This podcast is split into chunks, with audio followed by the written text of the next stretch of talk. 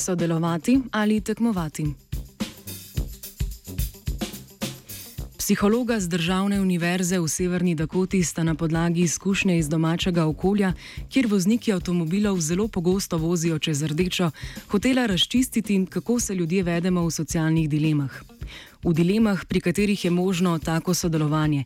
In torej vsi vozijo le pri zeleni, kot izkoriščanje, pri katerem si nekateri privoščijo vožnjo čez rdečo.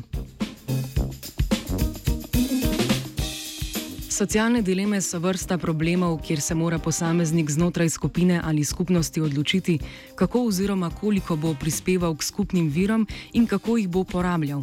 Raziskave se večinoma opirajo na analizo rezultatov posameznikov, kar ne more povedati veliko o delovanju skupine.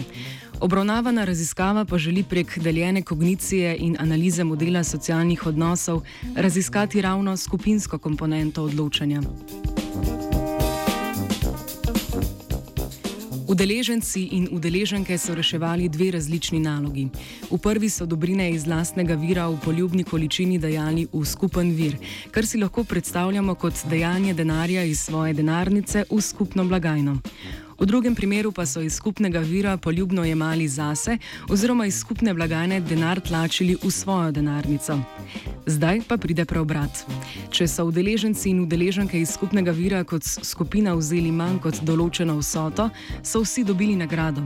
Če so skupni vir kot skupina dali več od določene vsote, so prav tako vsi dobili nagrado.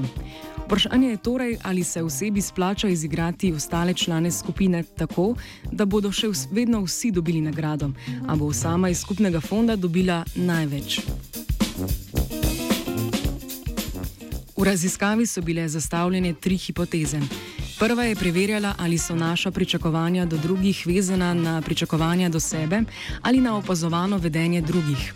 Druga je preverjala varianco med pričakovanji članov v skupini.